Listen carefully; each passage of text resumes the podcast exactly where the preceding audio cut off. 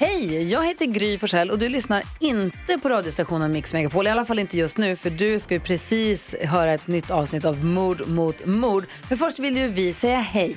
Hej, hej, det här är NyhetsJonas. Det här är Carolina Widerström. Och här är gullige dansken. Ja, och så Gry då. Och det vi vill säga att när du har lyssnat klart på den här podden, då får du gärna lyssna på våran. Vi spelar in ett nytt avsnitt varje morgon av våra podd Kvartsamtal. Och hela radioprogrammet blir ju också en podd om man är väldigt morgontrött eller så. Just det, om man missar morgonen ja. Men mest av allt så får du gärna lyssna på programmet i direktsändning varje morgon på Mix Megapol. Live varje morgon från klockan sex och då har vi med oss massor med vänner också. Thomas Bodström, Babben Larsson, Johan Pettersson, Christian Luuk. Massor med coola människor som bara dyker upp och gör livet bättre. Ja, som jag, gullige dansken. Exakt så. Och så mycket bra musik och annat skoj såklart. Så vi hörs när du vaknar på Mix Megapol. Podplay.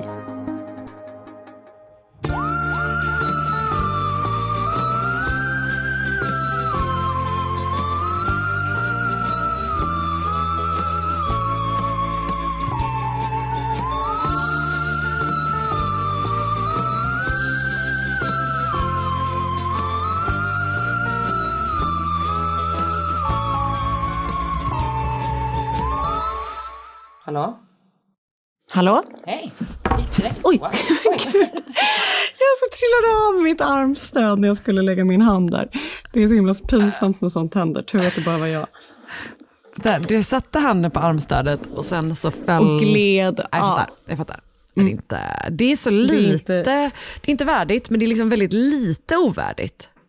Jag vet, så det är inte så att man skulle skämmas till döds om det hände i ett möte. Men man Nej. skulle liksom ändå tycka, åh, stelt. Alltså stelast är ju typ när man du vet så sätter handen kanske i, eller sätter, liksom, tänk dig att man sätter hakan i, I en handen. tårta. och sen så faceplantar man man i en av. tårta som står Det på kollegans nakna bröst. Just så det. pinsamt. Jag hatar när det händer. Ah, den händer. Gud, det är verkligen en sån det kontors pas. det, märks Ah, att det jag, stelt. det märks att jag har börjat jobba Det igen märks nu. att du inte varit på kontoret på länge. Vad jag trodde att det märktes att jag hade börjat jobba nu när jag hade lite sån kontors, eh, ni vet, Ah, ni vet du när tänker så. man historier. Ja, jag fattar. Jag fattar. Eh, Eller nej, jag, fattar. vi, vi, jag, jag jobbar ju i en jättestor byggnad. Ja. Eh, som det är så här, eh, det går liksom massa gångor, gångar i huset. Alltså du vet, det är som så broar mellan husen typ. Och eh, det är, vi är ju för det första ganska många som jobbar på mitt jobb här. Och sen så är vi också ganska många liksom, andra företag som sitter här också.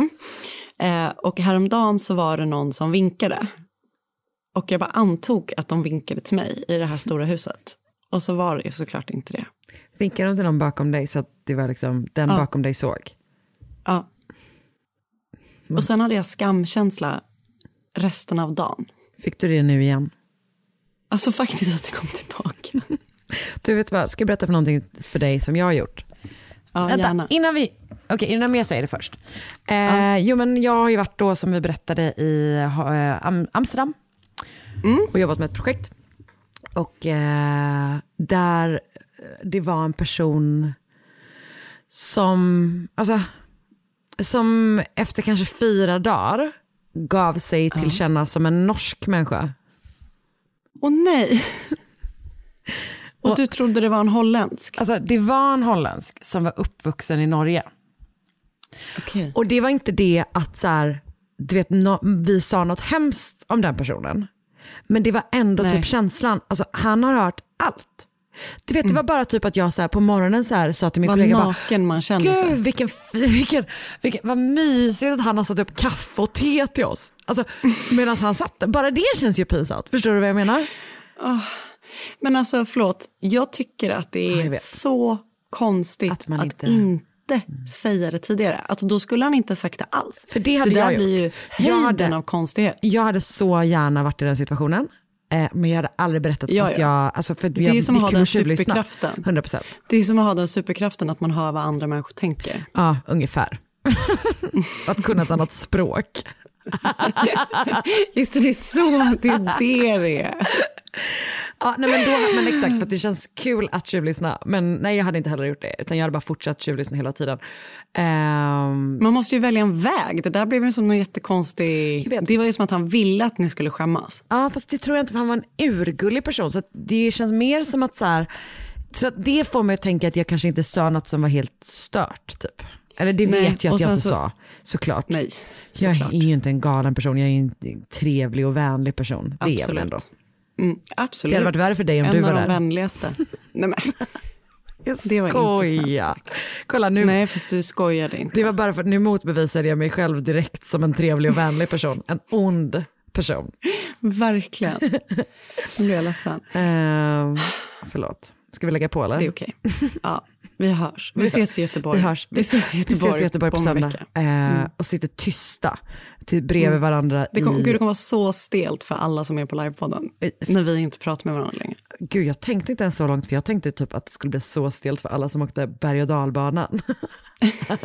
När vi sitter bredvid varandra. alla står i kön bakom oss och bara, tycker, bara känner att man kan skära i stämningen. Ah, skära i tystnaden. Ah, gud Mm. vad hemskt. Men lagom till livepodden, vi är ändå proffs. Eller? Alltså professionals in being eh, cordial. Vad heter det? Cor- Hövliga. hövliga, cordial. Ja det tror jag, det tror jag man kan säga. Mm.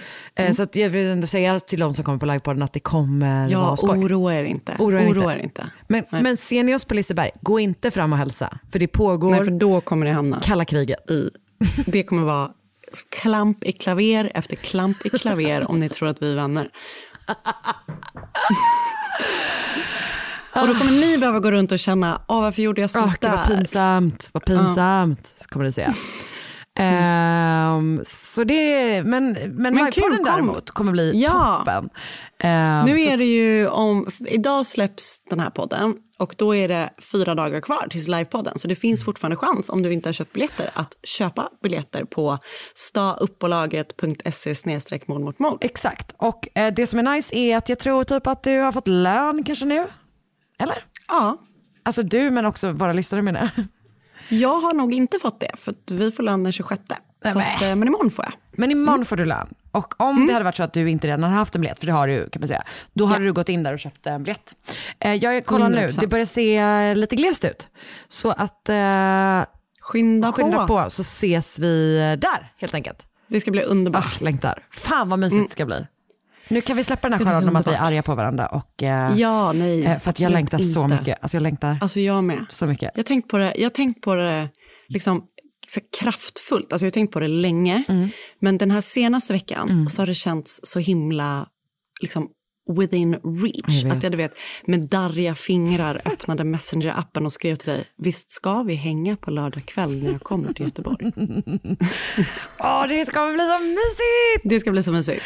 Ah, och det kommer bli så mysigt på söndagen och allting kommer bli så härligt. Det ska bli så himla kul att träffa våra underbara lyssnare. Det känner jag. Mysigt.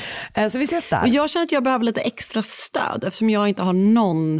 Eh, liksom, i, I Stockholm så hade jag ju ganska många från min familj och kompisar där. Just och nu var jag ingen. Så nu måste alla vara min familj och mina kompisar. Okej, så att nu kommer det alltså bli som att de enda som är där för mig, eller de enda som liksom hejar på mig är min familj och I kompisar. din egna familj. Okej. Ja. Och alla andra är där för dig. Nej, men så var det väl inte. I, I Stockholm så var ju min familj där för dig också. Jag hoppas att din familj är där för mig också. Vi får se. Jag skojar, det kommer de Alltså, alltså, vem det absolut så, vara. alltså du, den där stackars norsk slash holländska killen. Åh, stackars Ja, det var honom. synd om honom faktiskt. Men Mm. min mamma, m- m- mi madre är tu madre. Bra. Mikasa. För, för mig är det uppenbarligen eh, liksom häxkraft att kunna ett annat språk. Du vet hur språkligt obegåvad jag är. Jag med. Okej, bra. På tal om det så eh, kommer jag behöva prata franska i den här podden nu igen. Ooh. Så att jag tänker att det är exciting. lika bra att vi kör igång eller? Vi kör igång. Ett poddtips från Podplay. I podden Något Kaiko garanterar östgötarna Brutti och jag, Davva, dig en stor dos skratt. Där följer jag pladask för köttätandet igen. Man är lite som en jävla vampyr. Man har fått lite blodsmak och då måste man ha mer. Udda spaningar, fängslande anekdoter och en och annan arg rant. Jag måste ha mitt kaffe på morgonen för annars är jag ingen trevlig människa. Då är du ingen trevlig människa, punkt. Något Kaiko, hör du på Podplay. Därför arkadeinerna.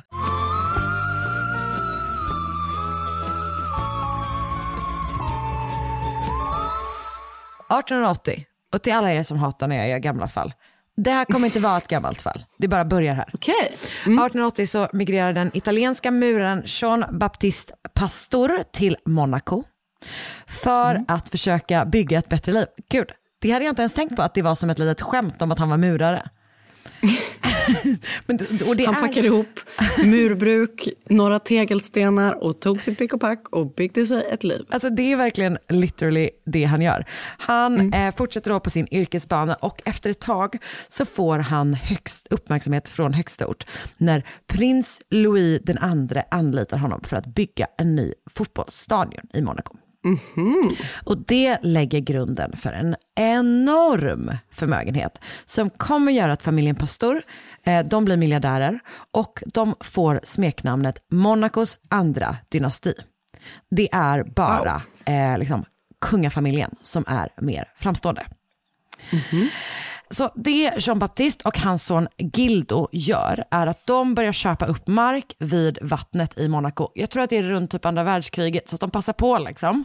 Shoppa på sig så mycket mark som de kan, som ligger liksom sådär waterfront i, i, i Monaco. Och där bygger de bostadshus och hyr, hyr ut lägenheter. Så över tid så bygger de några av Monacos allra finaste lägenhetshus på de allra, allra lyxigaste adresserna. Så många av de här alltså, husen som liksom är så framstående i Monacos skyline, eller vad man ska säga, är liksom deras. Sådär. Och det här innebär då att de äger några av världens dyraste fastigheter. Wow. Gildo får tre barn, två söner, en dotter och när han dör på 90-talet så lämnar han över till dem. Men två av dem, det är sönerna, de heter Michelle och Victor, de dör, inte jätteung ålder men i relativ ung ålder. Så till slut så står Gildos dotter Helene Pastor som ensam arvtagare kvar. Oj. Det är då 2000-tal och familjen äger ungefär 15% av Monacos fastighetsmarknad. Oj. De har en förmögenhet som ligger någonstans mellan 12 och 20 miljarder euro.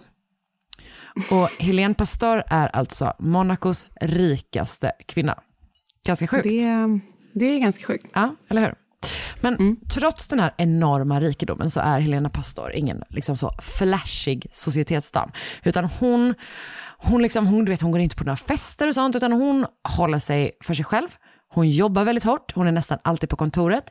Eh, möjligtvis är hon ute och går med sin stora vita pyreneiska vallhund Bella. Hon är alltid klädd i Chanel, men bara i liksom dräkter och kostymer.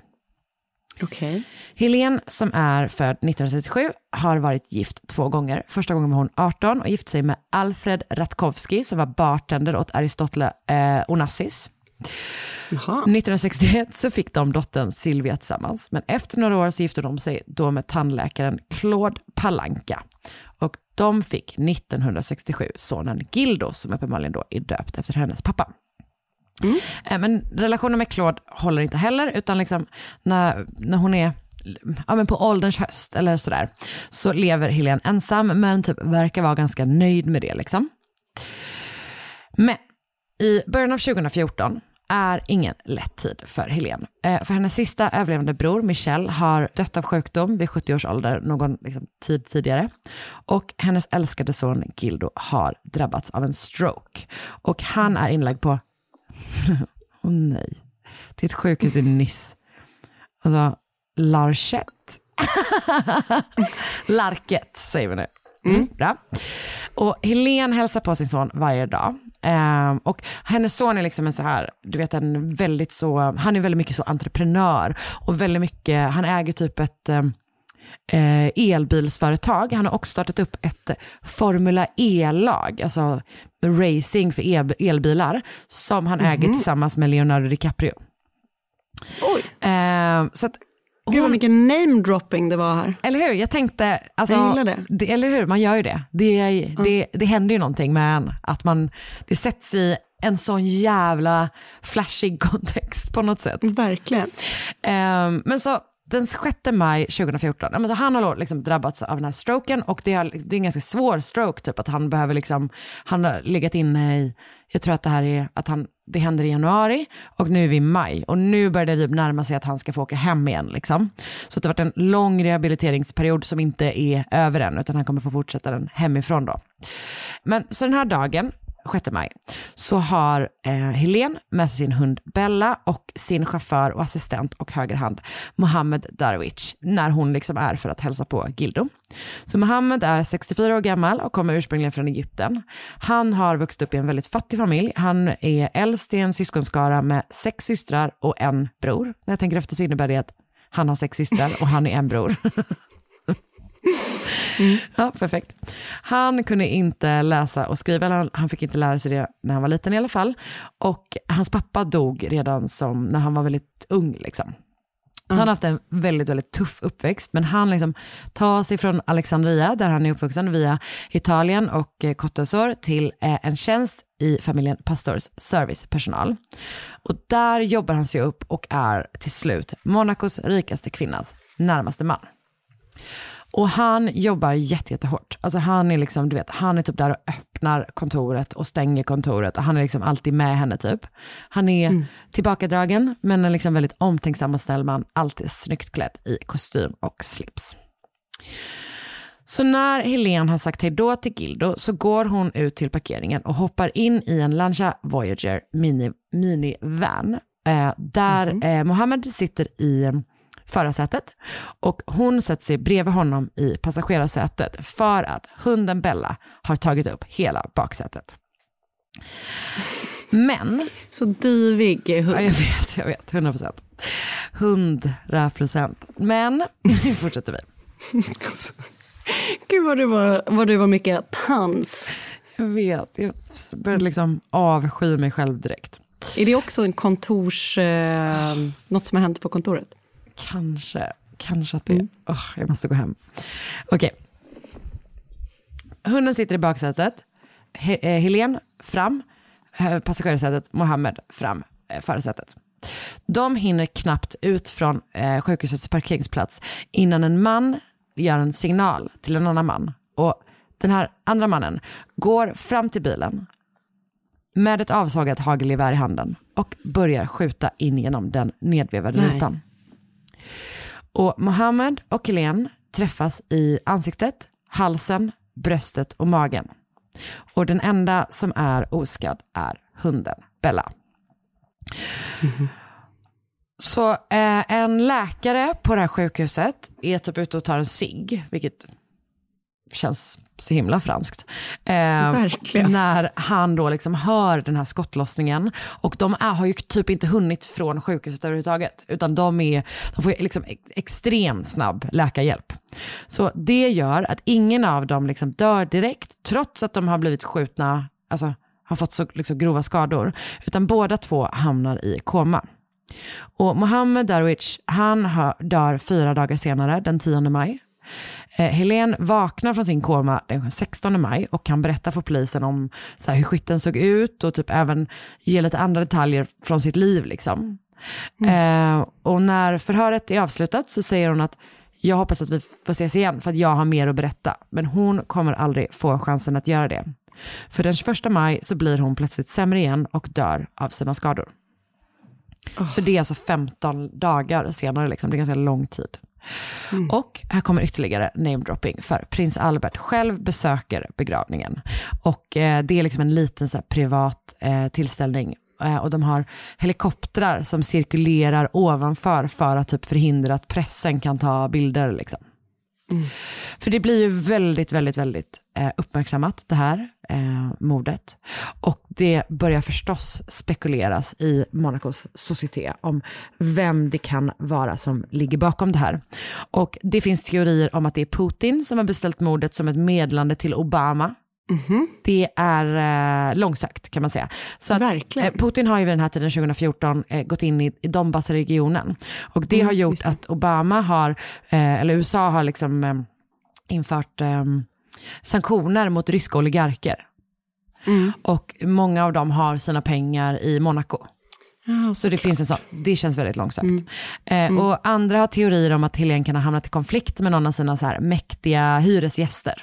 Det finns också någon teori om att du vet så här, maffian vill typ in på Monacos hyresmarknad. Det är oklart liksom, men det spekuleras helt enkelt. Men polisen kan snart se att det finns gott om spår efter den som sköt Mohammed och Helene. För att Okej. redan samma dag som den här skottlossningen har skett så har polisen flera taxichaufförer som berättar om att de har kört två män som betett sig något märkligt under dagen. Så en taxichaufför berättar att han har plockat upp de här två männen vid tågstationen i Nice strax efter att tåget från Marseille har kommit och sen har han kört dem till ett hotell i stan. Två andra taxichaufförer har kört varsin man från samma hotell till det här sjukhuset, men då är de liksom separerade. Eh, en fjärde taxichaufför berättar att han har kört två män från Nice tågstation till Marseille eftersom de har missat tåget. Och de här männen har, liksom, de har på sig kepsar men i övrigt liksom, de, är inte, de är inte maskerade eller så. Och det är de inte varken innan, under eller efter dådet. För att polisen kommer då snart att hitta dem på övervakningsbilder från både centralstationen och vid brottsplatsen. Så det är inte det att de finns på bild när de precis skjuter, men, men det finns liksom runt omkring. Innan och liksom. efter, typ. Ja, precis. Ehm, jag vet inte hur mycket övervakat det är. Alltså det, det är. Monaco är fruktansvärt övervakat. Alltså det är typ ett av de liksom, eh, Det kan man ju verkligen tänka sig. Eh, det är typ ja, men ett av de CCTV-tätaste områdena i världen typ. Eh, Men jag vet inte hur det, det här är ju Nice liksom. Men hur som helst så, så ser de dem. Och eh, de hittar också det här hotellrummet som de har hyrt. Och där har en av dem lämnat en flaska med duschkräm efter sig. Och från den flaskan så kan polisen lyfta DNA och identifiera de här två männen. Så de heter Samine Said Ahmed och eh, Alair Hamadi och båda två bor i Marseille. Och de är tidigare dömda för typ rån och droger. Inget liksom, jag tror, jag tror inte att de har den här typen av våldsbrott i sitt liksom, brottsregister. Men, men de, de har ett brottsregister och de har, står det enligt vissa källor, typ någon slags koppling till Marseilles undre värld. Typ. Så att de är välkända av polisen. Liksom. Och de, polisen kommer också snart att hitta dem och gripa dem och kan då gå ut med att de har gripit de två misstänkta gärningsmännen. Och sen kommer nästa bomb. För det är inte nog med att de har gripit de här två männen, utan bara några dagar senare så berättar polisen för allmänheten att de har grip, gripit ytterligare 21 personer som Åh, misstänks vara inblandade. Och sen går det några dagar till och sen så tror jag att de har gripit typ fyra till. Alltså det är ju typ, de har, griper 25 personer för det här. Oj. Och en av dem är Helens dotter Sylvias sambo.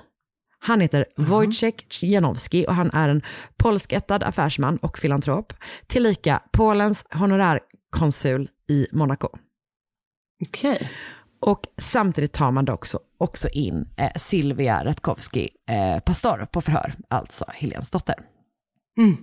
Hon var ju som sagt eh, hennes eh, dotter från det första äktenskapet, född 1961, så hon är strax över 50 när det här hände då. Och hon var liksom ganska lik sin mamma, du vet lite så tillbakadragen, snarare hårt arbetande inom familjeföretaget än en så flashig socialite typ. Eh, men hon och hennes eh, bror, de får också en halv miljon euro i månadspeng var. Varje månad. Jäklar. Eh, Det tycker folk är sjukt lite i, den här, i det här gänget. Liksom. Att de är så här, det är typ små pengar. Liksom. Ehm, och i mitten av 80-talet så var hon gift med en industrimagnat magnat i Torino och hade just fått sitt första barn, en liten dotter, när hon då träffar den här mannen, Wojciech Janowski. Och de blir snabbt ihop så att hon liksom skiljer sig och eh, de flyttar tillsammans med den här dottern tillbaka till Monaco. Och där fick de ytterligare en dotter tillsammans, men de gifte sig aldrig. Och det tänker jag typ är lite ovanligt i den här liksom, samhällsklassen. Ehm, att de, de lever alltså tillsammans i 28 år. Men de gifte sig aldrig. Nej, just det. Eh, och det finns, jag läste någonstans att det finns teorier om att det är för att hon ville att hennes arv skulle gå bara till hennes döttrar. Men jag vet inte. Men hur som helst, de har liksom levt tillsammans i 28 år eh, innan Wojciech då en dag i juni 2014 14, grips för att ha beställt mordet på hennes mamma. Alltså jäklar. Den här Wojciech Janowski, mm, han var som sagt från Polen, kom till England i början av 70-talet. Han hade det liksom eh, tufft ställt och hankade sig fram från ett jobb till ett annat. Eh, och till slut så blir han vakt på ett kasino. Och det, han, det är mycket som är oklart med hans bakgrund sådär, men ungefär tio år senare så har han hunnit gifta sig och skilja sig från en, en brittisk kvinna och sen bosätta sig i Monaco.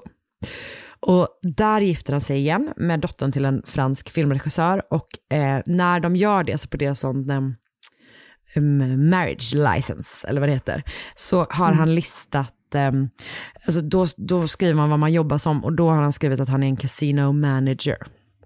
Okej. Så han jobbar då på kasino i Monaco och enligt vissa källor så är han, ja men han är typ vakt fast han har en position där hans jobb är att gå runt och typ spana efter fuskare. Okej. Vilket känns så spännande. Eh, och han var tydligen väldigt bra på det. Ehm, och sen några år senare, 1986, så har han skilt sig igen och jobbat sig upp på Monacos social scene. För han är väldigt charmig, han är en väldigt här, extravagant person, snyggt klädd, spännande.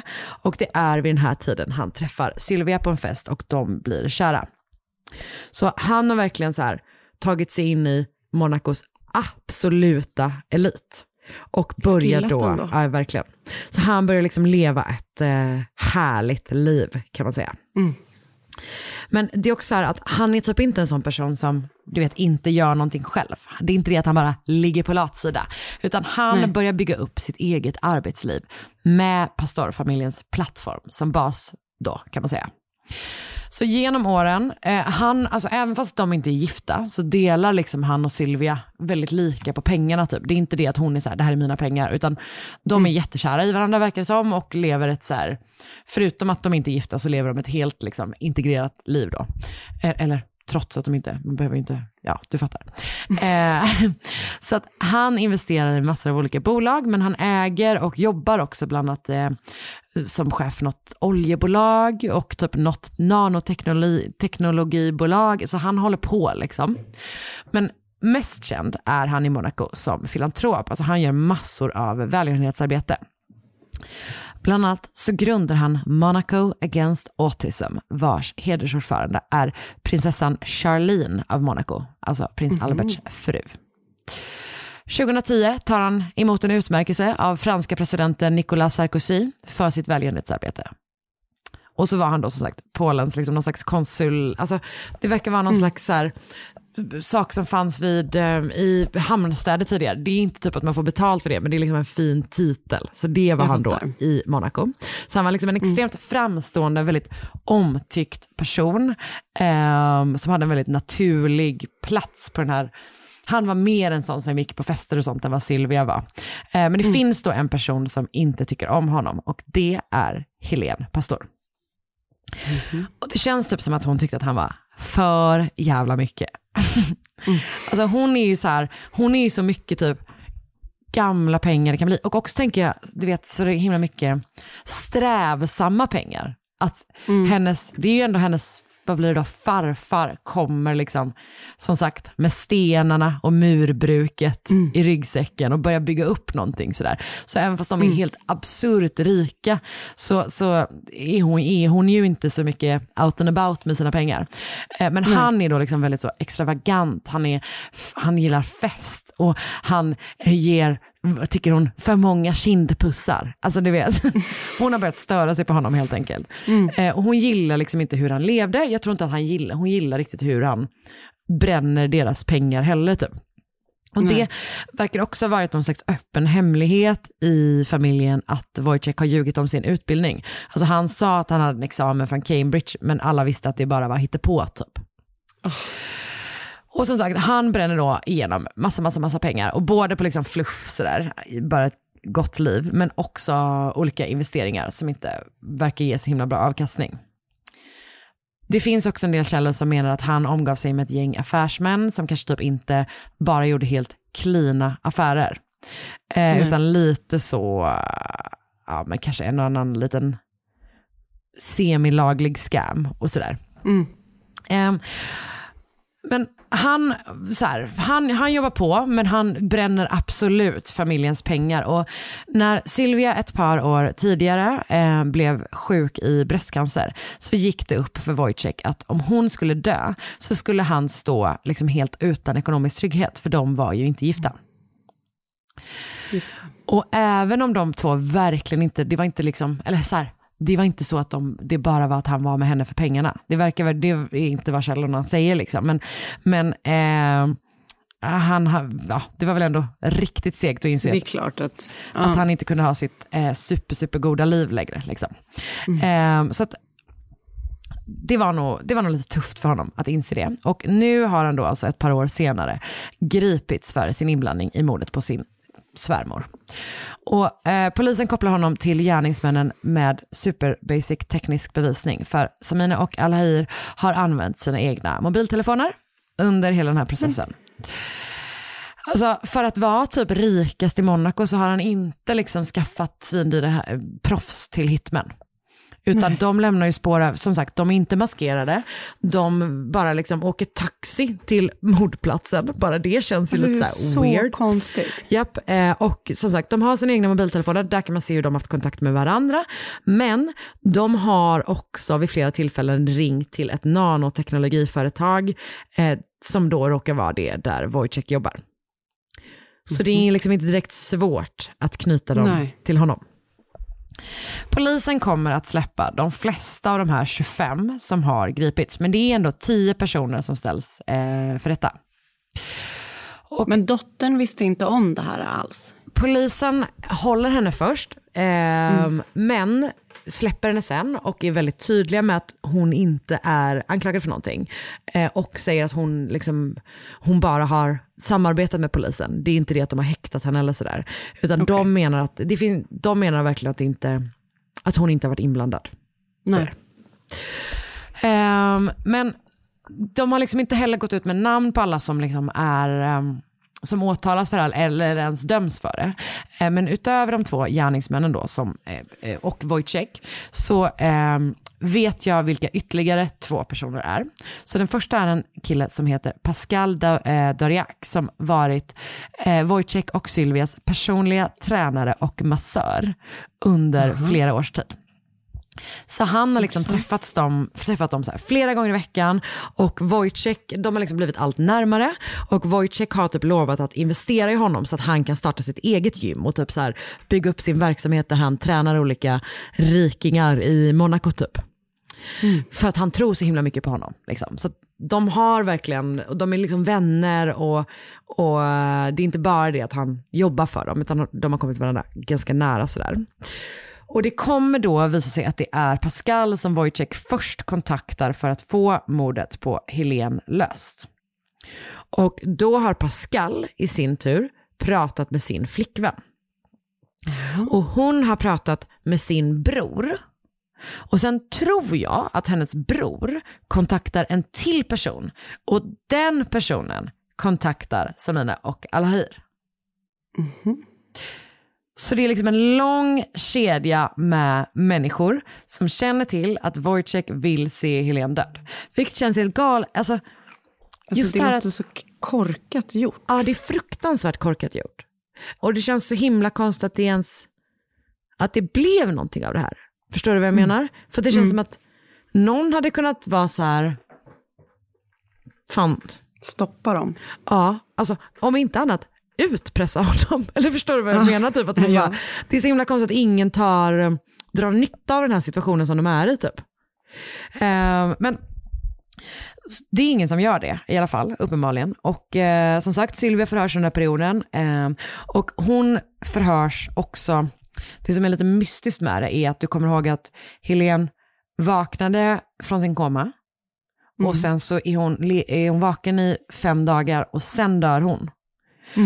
Och Sylvia är då typ den sista som har sett träffat henne.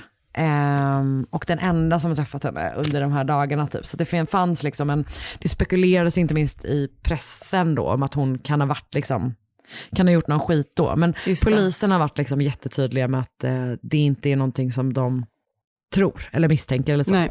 Utan att hon bara har jobbat tillsammans med dem. Liksom. Em, tillsammans med polisen då, alltså inte tillsammans med mördaren. Jag fattar. Mm. Så alla de här personerna pratar med polisen. Alltså alla verkar typ erkänna sina, sina roller ganska snabbt åtminstone.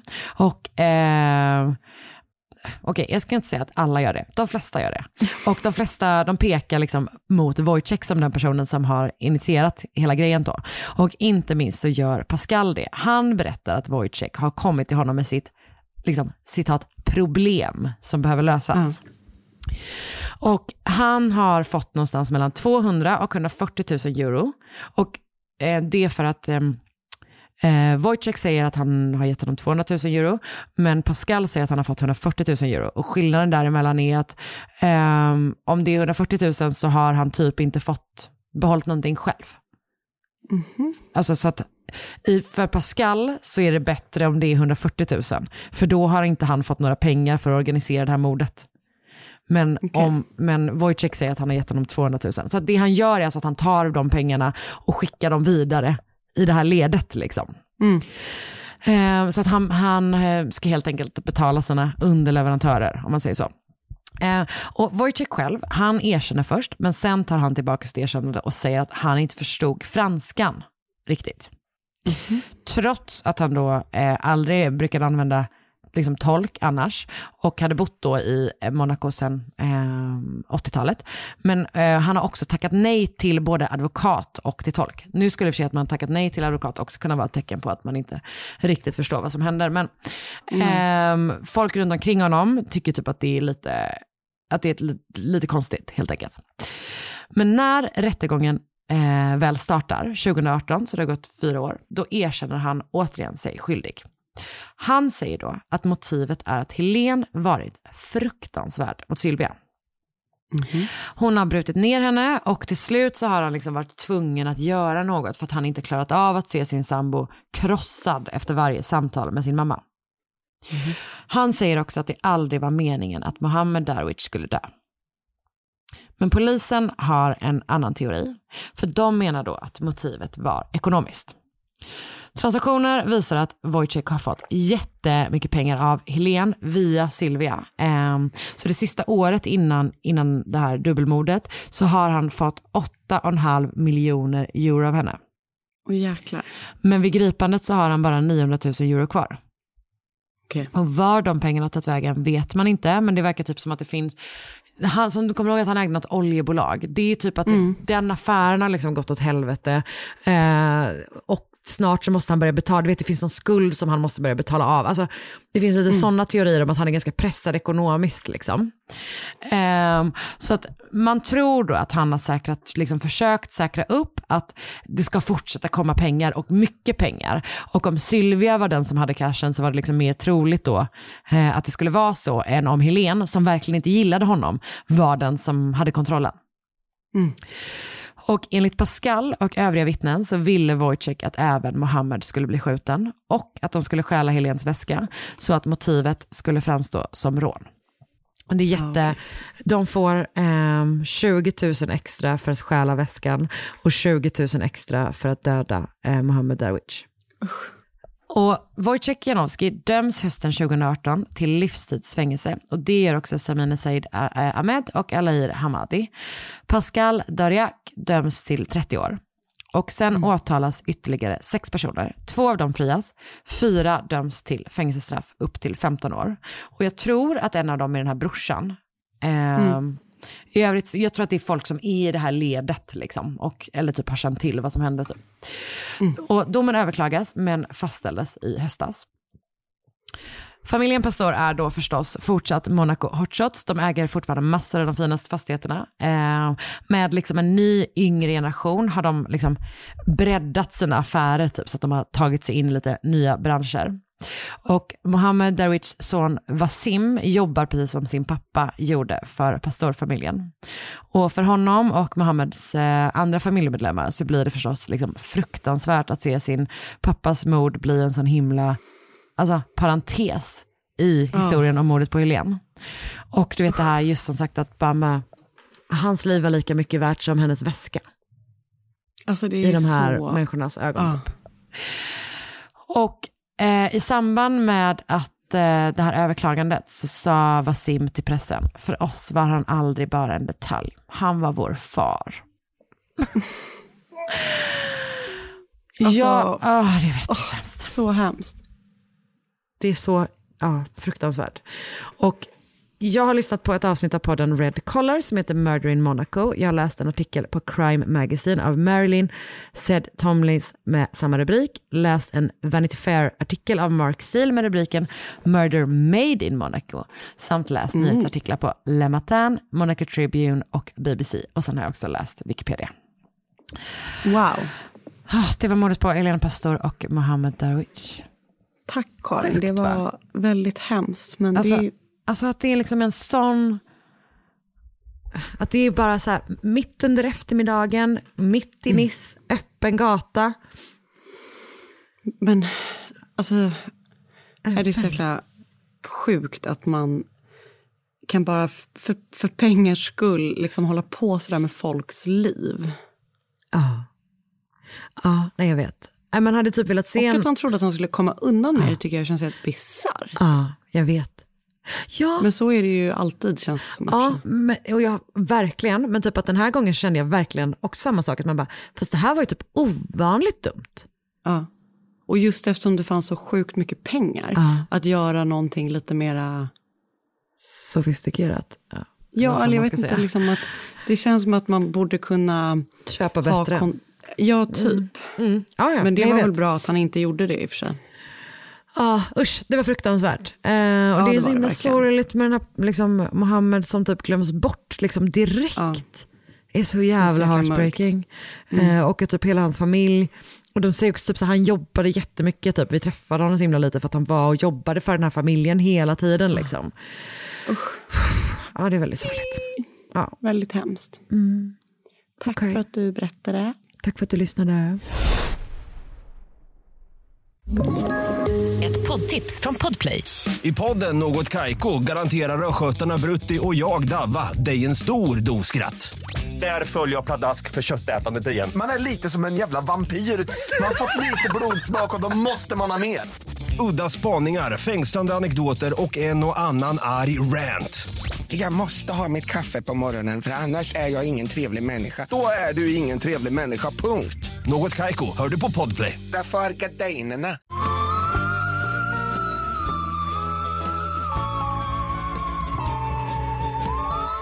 Strax innan lunch den 23 februari 2020 så ringde Sarah Boone till polisen i Winter Park i Florida. Någonting hade hänt. I la- samtalet till larmcentralen så säger Sarah att hennes pojkvän är död. Hon säger att han är blå, att han inte andas, eh, att han har lite blod i mungipan. Hon säger att hon behöver få hjälp till deras hus. Hon säger att kanske har han fått en sån aneurysm, alltså som åder, pulsåderbråck i hjärnan. Och eh, larmoperatören säger att hjälp är på väg och så instruerar hon Sarah att göra eh, hjärt och lungräddning på hennes pojkvän. Vilket Sarah gör. Och en bit in i samtalet, eh, när larmoperatören frågar vad som har hänt, så säger Sarah så här. My boyfriend and I were playing last night and I put him in a suitcase when we were playing. Just kind of a, like a hide and seek kind of thing. So I fell asleep and I woke up and he was dead in the suitcase. So I don't know what happened. I don't know what happened. He's purple. Gud. Ja. Så Sarah Boone och George Torres var båda två 42 år gamla. De hade varit tillsammans med varandra i tre år och de bodde tillsammans i ett hus då i Winter Park i eh, Florida. Det, ligger, det är en stad som ligger liksom precis angränsande till Orlando. Och det finns väldigt lite ehm, information om de här två. Eh, men eh, George hade tre barn från ett tidigare äktenskap vet jag, och, eller en tidigare relation. Och Sarah har beskrivits eh, av grannar som en person som var både supertrevlig och utåtriktad och pratglad samtidigt som hon hade sidor som liksom kanske inte var fullt så soliga om man säger så. Hon kunde tydligen vara ganska argsint typ. Och eh, Sarah och George hade väl eh, inte en helt friktionsfri relation kan man säga, utan de hade flera gånger blivit gripna för misshandel eh, av varandra. Ett år innan det här telefonsamtalet eh, till polisen i februari 2020 så hade både Sarah och George varit i kontakt med polisen och båda två har då gripits. De hävdade då vid de här tillfällena att den andra hade misshandlat den andra så att säga. George menade vid ett tillfälle att Sarah hade försökt strypa honom och Sarah menade att strypförsöket var föranlett av att George tidigare samma kväll hade dragit henne i hennes hår uppför trappan i deras hus och sen slagit henne. Och det här var då på grund av att han hade ogillat att hon tidigare på kvällen hade pratat med en annan man i en bar där de befann sig. Båda bar då spår av den här liksom våldet som den andra hade beskrivit från den här kvällen. Eh, George hade röda märken runt sin hals och Sarahs öga var igensvullet. Men utredningen som inleddes kunde inte avgöra vem av dem som var offer i händelsen, så eh, liksom utredningen lades ner. Och man kan väl kanske tänka att det har varit ett väldigt våldsamt bråk, liksom att båda har varit offer så. Men man vet inte ja, man vet, den lades ner helt enkelt. Det här var bara en av flera gånger som hon hade varit i kontakt med polisen för våld i hemmet. För George hade utöver den här händelsen som jag berättade om nyss gripits tre gånger under år 2019 bara för att han hade misshandlat Oj. Sarah. Och vid ett av de här tillfällena under 2019 då så hade Sarah också något slags tillfälligt skydd. Det verkar finnas som något sånt tillfälligt besöksförbud av olika, varie, liksom olika grader typ i mm. staten Florida då. Så det, de har en väldigt våldsam relation kan man väl kort och gott säga. Fan vad hemskt. Ja, det är så jäkla mörkt verkligen. Så samtalet till polisen då den 23 februari var långt ifrån det första som hade handlat om eller kommit från paret Boone Torres. Mm. Men polisen åkte då såklart ut till Sarah och Georges hus för att kolla vad som har hänt. Och när de kommer dit då så möts de av något helt bisarrt och hemskt. För en trappa upp i huset i något slags typ allrum eller hall eller sådär så står en ganska stor blå resväska. Och inuti resväskan så ligger då George och han lever inte. Så när polisen kommer dit då och frågar vad som har hänt så berättar Sarah vad som har hänt under kvällen. Och då berättar hon så här. Hon och George har varit hemma på kvällen. De har haft trevligt, de har druckit vin och lagt pussel. Sen har de då börjat skoja och leka någon form av kurragömmalek där de båda hade tyckt att det var kul att testa att lägga George i en resväska. Så Sarah berättar då att han självmant har lagt sig i väskan och sen berättar hon att hon inte vet vad som har hänt men att hon har somnat, eller hon har i alla fall vaknat då dagen efter vid elvasnåret. Och då hade hon gått upp för trappan och sett då väskan. Och då hade hon kommit på att George låg i väskan och öppnat den och då liksom funnit sin pojkvän där i och då hade hon ringt polisen. Men polisen är lite så här, okej okay, det här låter weird, liksom, det här är för skumt. Så de då såklart tittar närmare på det här, för det är ett dödsfall i hemmet som ändå är liksom märkligt. Mm.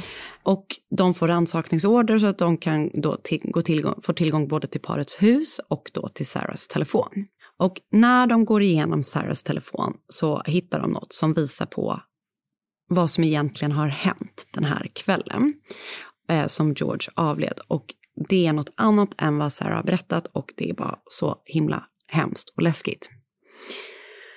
För på telefonen så hittas då två filmer och i den första filmen som är lite längre kan man se väskan då stå i mitten av det här rummet där den, polisen också sen hittar den.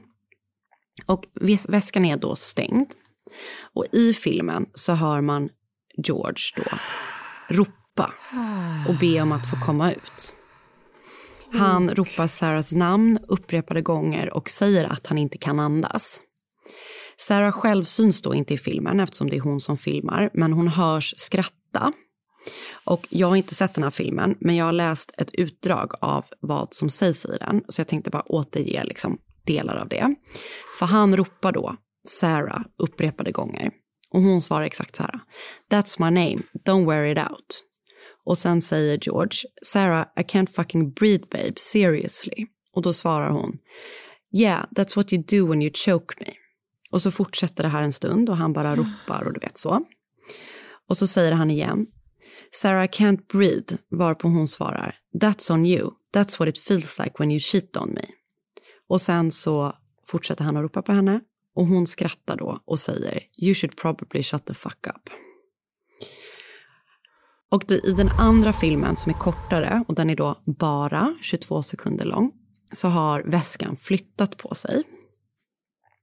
Så den, liksom, den har flyttat på sig ungefär en meter från den första filmen. Eh, och så stod den liksom på andra ändan, eller vad man ska säga. Så att säga att den stod på kortändan först. Just det, så ser ut som att den har vält typ, eller? Exakt. Mm. Ehm, och även i den så hörs då liksom han ropa på Sarah innan den då bara stängs av. Och det känns så otroligt hjärtskärande att den har så här, alltså allt såklart, men också att den har flyttat på sig. För det betyder ju att han liksom har försökt så här, alltså han måste ju ha liksom haft sån panik där inne och kämpat typ så att den har förflyttat sig bara av hans rörelse typ.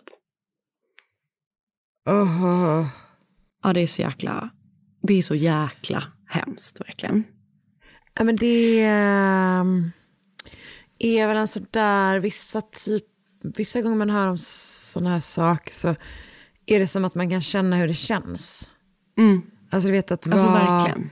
instängd så och inse typ att så här, nej, jag, jag kommer, kommer inte, inte ut. Nej. Alltså man får sådana klaustrofobiska känslor. Mm. Att man bara vill, åh, ja okej. Mm.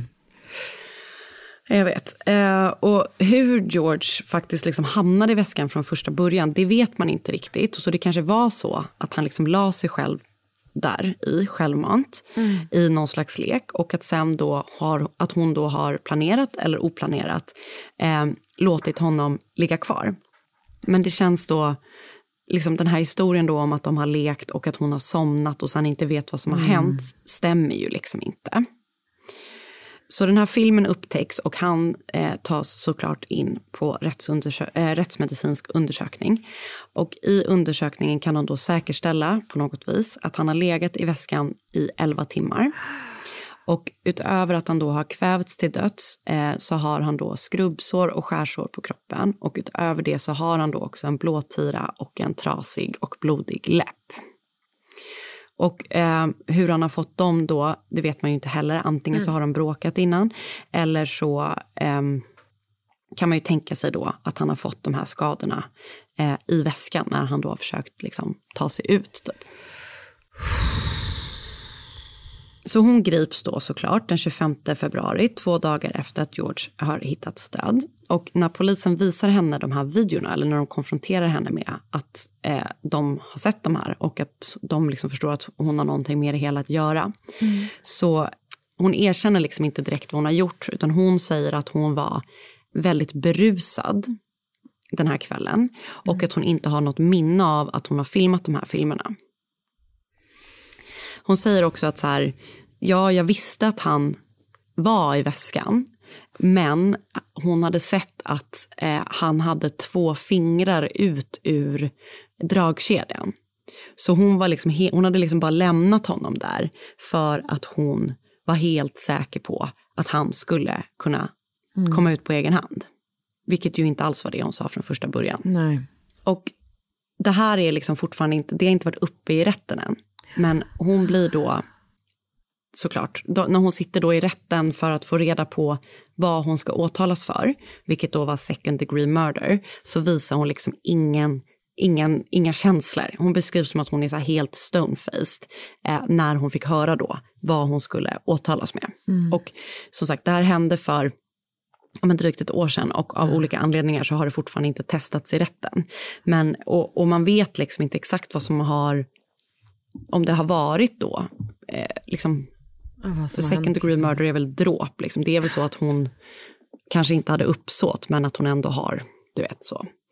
Eh, och det spekuleras i, de hade druckit under den här kvällen och jag vet inte om de har egentligen en, en alkohol och droghistoria men det finns då teorier om att hon liksom varit drogpåverkad eller att de har varit det. Och jag vet inte vad det, om vad hans kropp eller vad hen, liksom Nej, tester nej. utvisat men att det är många som ändå så spekulerar om att så här, det här är inte bara liksom att de har suttit och druckit vin och spelat pussel och hon har typ varit, alltså det, det finns då teorier Det känns som gör- att, att man har lagt pussel är någonting man säger när man försöker kom, eh, liksom kommunicera att så här, det var en jättelugn kväll. Man bara, så Alltså, lugn var inte den kvällen. att Nej, vi satt oss bara, vi hade Ingen lägger pussel. Alltså vi la faktiskt pussel på nyårsafton och då, Okej, då, då ju- började vi också bråka. men, ehm, nej men det är, bara, det är så jäkla hemskt och hon då ska upp i rätten här i år för att få så, då sitt straff för det här. Så det, det, det finns inte så mycket information och det finns heller ingen dom men jag tyckte att det var så himla hemskt så jag var ändå tvungen att eh, berätta det här i podden. Det är jätte äckligt, hemskt, verkligen allting. Och så tänker jag typ på hans barn. Alltså, och bara få veta att ens... Eh, Ja, det är sorgligt. Fruktansvärt sätt och, åh fy fan vad hemskt. Ja, och så tänkte jag på den här eh, spionen som jag berättade om Japp, sist. härom, ja jag vet. Alltså, jag, jag, jag, tror- jag tror kanske min egna klaustrofobi gör att jag tycker det här är det obehagligaste jag kan tänka mig. Ah. Just för att det, Det det känns som att det tog sån tid och att han ropar på hjälp. Ja, och det så är så här. lång tid. Åh gud. Åh, jag fick Ja, ångest. det Ja, jag, det jag vet. Det är ångest. Och jag har då läst Documents show history of violence between Sarah Boone and boyfriend skriven av Lara Greenberg på Fox 35 Orlando. Och sen Inside Sarah's Suitcase, A Deadly Game of Hide and Seek or Cold-Blooded Murder skriven av Fatim Hemraj på Medium. Och sen har jag lyssnat på Sip and Unwine eh, som är en podcast avsnitt nummer 21 och det heter Sarah Boone, The Suitcase Murder. Och sen har jag läst Left to Die, Horror Moment Man Desperately Wobbled Over Suitcase på The, US Sun skriven av Cassidy Vavra. Det där var fruktansvärt. Ja, jättehemskt. Usch, puh. Uh, det var allt från den här veckan. Det var det verkligen och eh, vi ses på söndag. Eh, Anna, du och jag ses på lördag. Vi andra, vi ses på Jag söndag. längtar. Det kommer bli underbart. Det blir det. Ta hand om er så länge och Anna Sandell, även du tar hand om dig. Och du Karin Londré, ta hand om dig. Det ska jag göra. Hej då! Bye! Ett poddtips från Podplay. I podden Något Kaiko garanterar östgötarna Brutti och jag, Davva, dig en stor dos skratt. Där följer jag pladask för köttätandet igen. Man är lite som en jävla vampyr. Man har fått lite blodsmak och då måste man ha mer. Udda spaningar, fängslande anekdoter och en och annan arg rant. Jag måste ha mitt kaffe på morgonen för annars är jag ingen trevlig människa. Då är du ingen trevlig människa, punkt. Något Kaiko, hör du på Podplay. Därför är gardinerna.